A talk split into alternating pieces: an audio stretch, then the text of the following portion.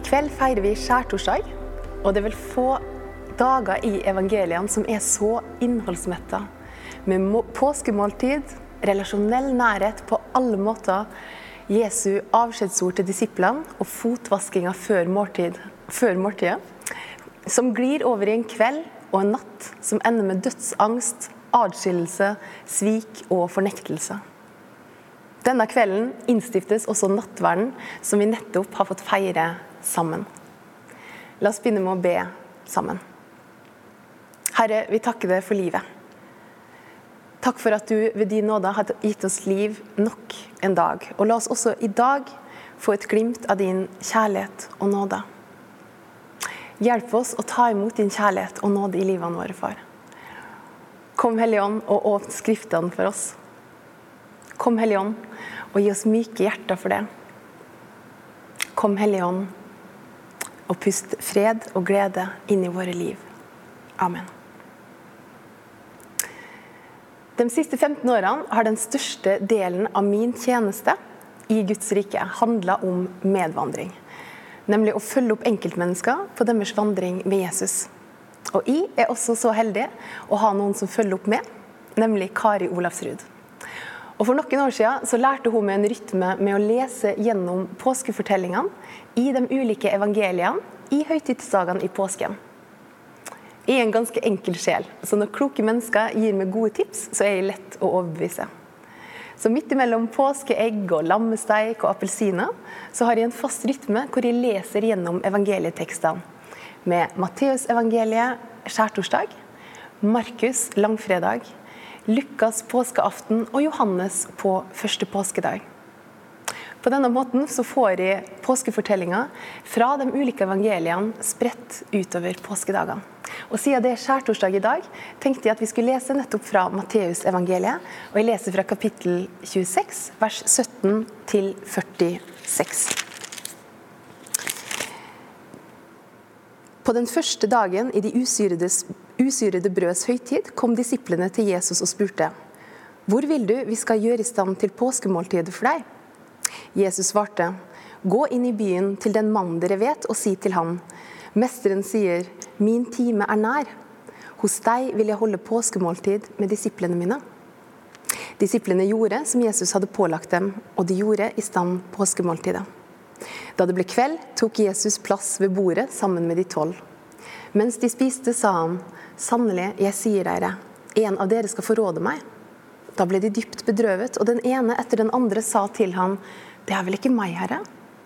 Men han svarte, Den som har dyppet hånden i fatet sammen med meg, han skal forråde meg. Menneskesønnen går bort, som det står skrevet om ham, men ved det mennesket som forråder menneskesønnen. Det hadde vært bedre for det mennesket om det aldri var født. Judas, han som forrådte ham, spurte da, Det er vel ikke meg, rabbi? Du har sagt det, svarte Jesus. Mens de holdt måltid, tok Jesus et brød, takket og brøt det, ga disiplene og sa, ta imot og spis. Dette er min kropp. Og han tok et beger, takket, ga dem og sa, drikk alle av det. For dette er mitt blod, paktens blod som blir utøst for mange så syndene blir tilgitt. Jeg sier dere, fra nå av skal jeg ikke drikke av denne frukten av vintreet før den dagen jeg drikker den ny sammen med dere i min fars rike. Da de hadde sunget lovsangen, gikk de ut til Oljeberget. Da sier Jesus til dem, i natt kommer dere alle til å falle fra og vende dere bort fra meg. For det står skrevet, jeg skal slå gjeteren, og sauene skal bli spredt. Men etter at jeg er stått opp, skal jeg gå i forveien for dere til Galilea. Peter tok til orde og sa, om så alle vender seg bort fra deg, kommer jeg aldri til å gjøre det. Jesus svarte, sannelig, jeg sier deg, i natt før hanen galer skal du fornekte meg tre ganger. Og Peter sa, om jeg så må dø med deg, vil jeg ikke fornekte deg. Det samme sa også alle de andre disiplene. Så kom Jesus sammen med disiplene til et sted som heter Getsemane, og han sa til dem, sett dere her, mens jeg går dit bort og ber. Han tok med seg Peter og de to Sebedeus-sønnene, og han ble grepet av sorg og gru. Da sa han til dem, Min sjel er tynget døden av sorg. Bli her og våk med meg. Han gikk fram et lite stykke, kastet seg ned med ansiktet mot jorden og ba. Min far, er det mulig, så la dette begeret gå meg forbi. Men ikke som jeg vil, bare som du vil. Da han kom tilbake til disiplene og fant dem sovende, sa han til Peter.: Så dere klarte ikke å våke med meg en eneste time?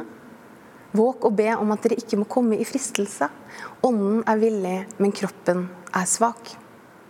Igjen for andre gang gikk han bort og ba, min far, om ikke dette begeret kan gå forbi meg, og jeg må drikke det, så la din vilje skje. Da han kom tilbake, fant han dem igjen sovende, for øynene deres var tunge av søvn. Nå forlot han dem og gikk på ny bort og ba den samme bønnen for tredje gang. Så kom han tilbake til disiplene og sa, dere sover og hviler fremdeles. Nå er stunden kommet da menneskesønnen skal overgis i synderhender. Stå opp, la oss gå. Han som forråder meg, er nær. Jesus og disiplene har altså hatt sitt siste fellesskap denne kvelden før alt skal bli forandra. Disiplene skjønner nok ikke hvor nært forestående dette dramaet er. Og Det virker heller ikke som de forstår at dette er siste gang de er sammen med Jesus. Denne kvelden så innstiftes nattverden. Jesu legeme og blod. Hans død som blir til vårt liv. Hans blod som blir vår legedom. Da jeg talte til dere i fastetida, snakka jeg om å søke stillhet i hverdagen. Og jeg fortalte om en episode hvor Gud åpna teksten om bryllup i Kana for meg en tilfeldig mandag i trappa mi mens jeg hadde studenter på Jesus-meditasjon. Jeg skal innrømme at jeg tidligere hadde hatt et litt ambivalent forhold til bryllupet i Kana. Dette beskrives jo som det første tegnet Jesus gjorde. Og det står at han åpenbarte sin herlighet. Og jeg har blant lurt på hvorfor han valgte akkurat dette som sitt første tegn for å åpenbare hvem han er. Men jeg hadde litt lyst til å dele med dere i kveld hva som ble viktig for meg denne kvelden i trappa. Vi husker kanskje rammene for bryllupet i Kana. Jesus og disiplene og Jesu mor er i et bryllup. Så tar vinen slutt, og Jesu mor gjør Jesus oppmerksom på dette. Og så står det fra vers 6. Det sto seks vannkar av stein der, slike som brukes i jødenes renselsesskikker. Hvert av dem rommet to eller tre anker. Jesus han ber tjenerne om å fylle dem opp med vann, og han ber dem øse det opp og gi det til kjøkkenmesteren, som oppdager at det har blitt til vin.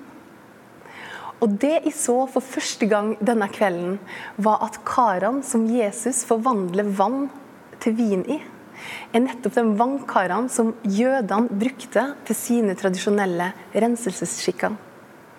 Og i disse karene, nettopp i renselseskarene, så omgjør han vann som de tidligere hadde brukt for å bli reine, til vin. Som vi i nattverden, som vi feirer i kveld, det som, og det som i den nye pakt er det som gjør oss reine. Denne linja trakk jeg for første gang denne kvelden, og jeg tenkte selvfølgelig Selvfølgelig er bryllupet i Kana det første tegnet. Bryllupet som er en feiring på en ny allianse Bryllup som i Bibelen bl.a. brukes som et bilde på Jesu gjenkomst. Nettopp i bryllupet gir han oss et skikkelig frampeik på hvordan vi i den nye pakt skal gjøre oss reine. Og det er ikke lenger med vann i steinkar, men med paktens blod som innstiftes i kveld. Det første underet i Johannesevangeliet. Og veit du hva som er det siste underet i Johannesevangeliet? Jo, det er det at han vekker Lasarus opp fra de døde.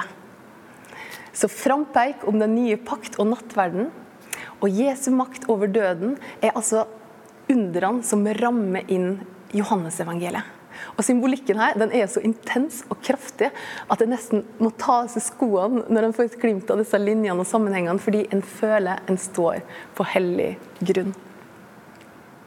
Men noen ganger så må jeg innrømme at jeg syns det er litt vanskelig å ta inn over meg storheten i evangeliet. Hvor gjennomgripende og kraftfullt det er. Nå feirer vi påske nok en gang. Det har vi gjort mange ganger. Og jeg bekjenner gjerne at det ikke alltid jeg klarer å koble meg emosjonelt på det store som Jesus har gjort for meg. Jeg vet ikke om dere har hørt om Team Hoit. Om Richard Eugene Hoit senior og junior. Det er en far og sønn, hvor sønnen har cerebral parese og er lenka til rullestol og kommuniserer via en datamaskin. Sønnen ønska å delta i et veldedighetsløp for en annen på skolen hans som hadde blitt lam i en ulykke. Og dette ble starten på Team Hoit, hvor de sammen deltok på en rekke maraton og trilaton. Og så er det altså et menneske der ute som har laga en musikkvideo med bilder av disse to, far og sønn, med lovsangen 'I know my redeemer lives'. Jeg vet min forløser lever, eh, som bakgrunnsmusikk. Og mens denne vakre musikken spiller, så ser en altså bilder av denne sønnen i rullestol og faren løpende bak. Faren svømmende med sønnen bak seg i en spesialtilpassa båt, eller syklende med han i en stol foran på styret. Og så ser vi dem på slutten krysse mållinjen til stor jubel. En sønn seirende pga. sin far. Og det er sjelden vi ser evangeliet så nydelig formidla. Jeg tror at dem som kjenner meg godt, vil beskrive meg som et følelsesmenneske. Men det er ikke så veldig ofte at jeg blir rørt likevel. Men første gang jeg så denne videoen, da satt jeg på et kveldsmøte på Navigatørenes familieleir. Og jeg blei altså så berørt av symbolikken i denne videoen at jeg ble forvandla til en våt klut. Og jeg skulle videre på scenen etterpå. Jeg var helt ubrukelig. Fordi jeg så evangeliet så tydelig gjennom disse bildene og denne musikken. Jeg så meg sjøl liggende i denne båten, og hvordan Jesus tar meg over denne distansen jeg på ingen måte er i stand til å bevege meg sjøl. Og hvordan jeg med løftede hender blir trilla over seierslinja. Fordi han har gjort alt i stand for meg. Så hvis dere har 4 15 minutter tilgjengelig etter gudstjenesten, så vil jeg anbefale å se denne videoen. Vi skal prøve å legge ved en link i chatten. Like etter nattverden er innstifta, så går Jesus og disiplene ut til Oljeberget. Og Jesus sier til disiplene at denne natta skal de alle sammen vende seg bort fra ham. Og Peter, kjære Peter, han går hardt ut som vanlig og sier at om alle vender seg bort, så kommer de aldri til å gjøre det. Det er mye som er spennende i denne ordvekslinga, og ikke minst i denne relasjonen mellom Jesus og Peter. Og Noe jeg tar med meg på en skjærtorsdag, det er hvor liten innsikt Peter virker å ha i hva han som menneske er i stand til. Jesus han forteller jo disiplene i denne teksten at han vet hva som bor i deres hjerte. Han vet allerede om deres svik og manglende mot. Men Peter, han nekter. Han tror han kjenner seg sjøl og sin egen integritet, og han sier aldri. Og så får han et brutalt møte med sin egen skrøpelighet noen timer seinere. Dette er noe jeg tror mange av oss kan kjenne oss igjen i. At vi tror at vi har en integritet, styrke eller karakter til enten det ene eller det andre, men at vi får en erfaring i møte med livet om at det kanskje ikke er akkurat sånn. Jeg vet ikke om du samler på noe. Da jeg var lita, så samla jeg på fine viskelær, glansbilder og fine steiner. Og når jeg er voksen, så samler jeg på gode sitater. Og det er veldig kjekt. For folk sier jo så fantastisk mye klokt og morsomt hele tida. Karsten Isaksen han sa en gang at det dummeste uttrykket han visste på norsk, det var uttrykket 'dråpen som fikk begeret til å flyte over'. For som han sa, det er ikke dråpen som får begeret til å flyte over. Problemet er at da dråpen kommer, så er begeret allerede fullt. Og det har jo ikke dråpen noe med. Den har jo akkurat kommet. Problemet er altså det fulle begeret. Jeg husker at da jeg ble mamma og fikk disse deilige ungene i armene mine én etter én over noen år, så hadde jeg så mange gode tanker om hvilken mamma jeg skulle være. Hvordan jeg skulle vise dem kjærlighet, hvilke grenser jeg skulle sette. Og jeg skal love deg at jeg har kjent på en avstand mellom min oppfattelse om hvem jeg trodde jeg ville være, og det som har vært realitetene disse årene. Litt som Peter.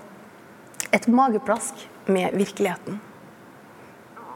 Men noe interessant med Peter, og noe som iallfall gir meg håp, er at når han møter Jesus igjen på stranda i Johannes 21, så ser vi en annen erkjennelse hos Peter. Når Jesus spør om Peter har han kjær, så svarer han alle ganger 'Herre, du vet'. Du vet at jeg har det kjær. Du vet. Mens på Oljeberget på skjærtorsdag så trodde Peter at det var han som visste bedre enn Jesus hva han var i stand til. Mens på stranda så møter vi en mer ydmyk Peter. En Peter som erkjenner at Jesus kjenner hans hjerte. Og ikke de illusjonene vi hører skjærtorsdag med om så alle andre. Stolthet har blitt til ydmykhet. Og for en skrøpelig synder som meg sjøl, så gir det med dette håp. Håp om at jeg også gjennom mine fall kan vokse til en større modenhet og større tiltro til Jesus. Det siste jeg ønsker å løfte fram denne skjærtorsdagen, er noe som skjer under nattverdsmåltidet. Og det er at Jesus reiser seg under måltidet og vasker disiplenes føtter. Det står beskrevet i Johannes evangeliet. Jesus han vet at han snart skal forlate disiplene. Og Avskjeder mellom mennesker det er alltid intense, fortetta møter. Og Det er naturlig for oss å tenke at det som Jesus velger å gjøre og si denne kvelden, vel vitende om at det siste gang de er samla, er handlinger og ord som er nøye gjennomtenkte og med stor hensikt. Og han sier det jo faktisk sjøl når han er ferdig. Han etterlater dem et forbilde. Når han som er mester og herre har vaska deres føtter, så skylder også dem å vaske hverandres føtter og tjene hverandre. Jeg syns det er dypt fascinerende og inspirerende at Jesus velger å gjøre dette akkurat denne kvelden. Han har jo nettopp innstifta nattverden.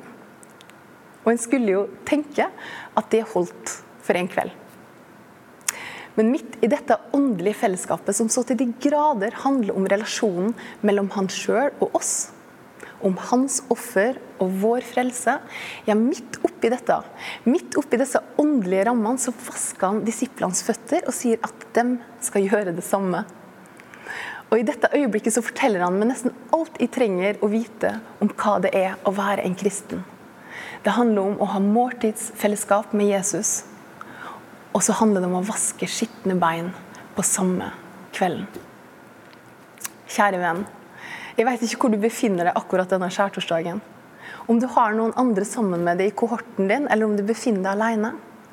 Men det jeg ble påminnet da jeg forberedte meg til kveld, er nettopp dette. At skjærtorsdag det handler både om nattverdsfellesskapet mellom oss og Jesus, men også om å betjene hverandre. Og for oss som ønsker å leve slik Jesus gjorde, og ønsker å ta ham på alvor, så ønsker jeg å utfordre deg der du måtte befinne deg, til å aktivt betjene noen andre i kveld. Hvis du er sammen med noen, vil jeg be deg tenke igjennom om det er noen måte du kan vise dem kjærlighet og praktisk omsorg på. Kan du gi en mamma eller pappa, et barn eller en ektefelle litt hjelp på kjøkkenet eller en god klem? Noen gode ord eller noe annet de måtte trenge? Og Hvis du er alene og ikke har noen i din umiddelbare nærhet, er det noen du tenker på du kan sende en oppmuntrende melding eller ta en telefon til i kveld? Den danske dikteren Benny Andersen skal en gang ha reist seg i venners lag og holdt en bordtale til dem. Det var ikke en preken, akkurat, men noe av kjernen i budskapet tenker likevel gjelder oss alle. Talen skal gått noe sånn som det her. Venner. La oss se på hverandre. Vi vet ikke hvem av oss som først vil bli til intet, eller noe vidunderlig annet. Men i dag kan vi se hverandre og høre hverandres latter. Det må vi benytte oss av. Vend deg mot meg, men langsomt, oppmerksomt, og spar ikke på angst og vennlighet. Vi som lever i dag, vi har blitt gitt livets gave nok en gang. Det handler om å ta aktive valg i øyeblikkene vi har sammen, så lenge vi har hverandre. Det haster å vise godhet, så la oss ikke bli sløve i dette. Det haster hver eneste dag fordi vi er gitt sånn en ufattelig godhet i Jesus Kristus. Så vil du som nettopp har mottatt hans legeme og blod, derfor ta Jesus som ditt forbilde og gjøre noe aktivt godt i møte med noen andre i kveld. Jeg kan ikke tenke meg en bedre måte å feire skjærtorsdag på, eller en bedre respons på nattverden. For Jesus viste oss evangeliets kjerne denne skjærtorsdagen for ca. 2000 år siden. Han visste at disiplene kom til å løpe som vettskremte sauer bare noen få timer fram. Men han valgte likevel å holde måltid sammen med dem. Han lengter så inderlig etter å ha fellesskap med oss. Ikke fordi vi fortjener det, men fordi han har oss så inderlig kjær. Selv om han veit hva som bor i våre hjerter. Han veit at selv om ånden er villig, er menneskekroppen vår svak. Og likevel elsker han oss til døden. Og Hans utfordring den klinger gjennom årtusenene og like inn i stuene våre på Vestland i 2021.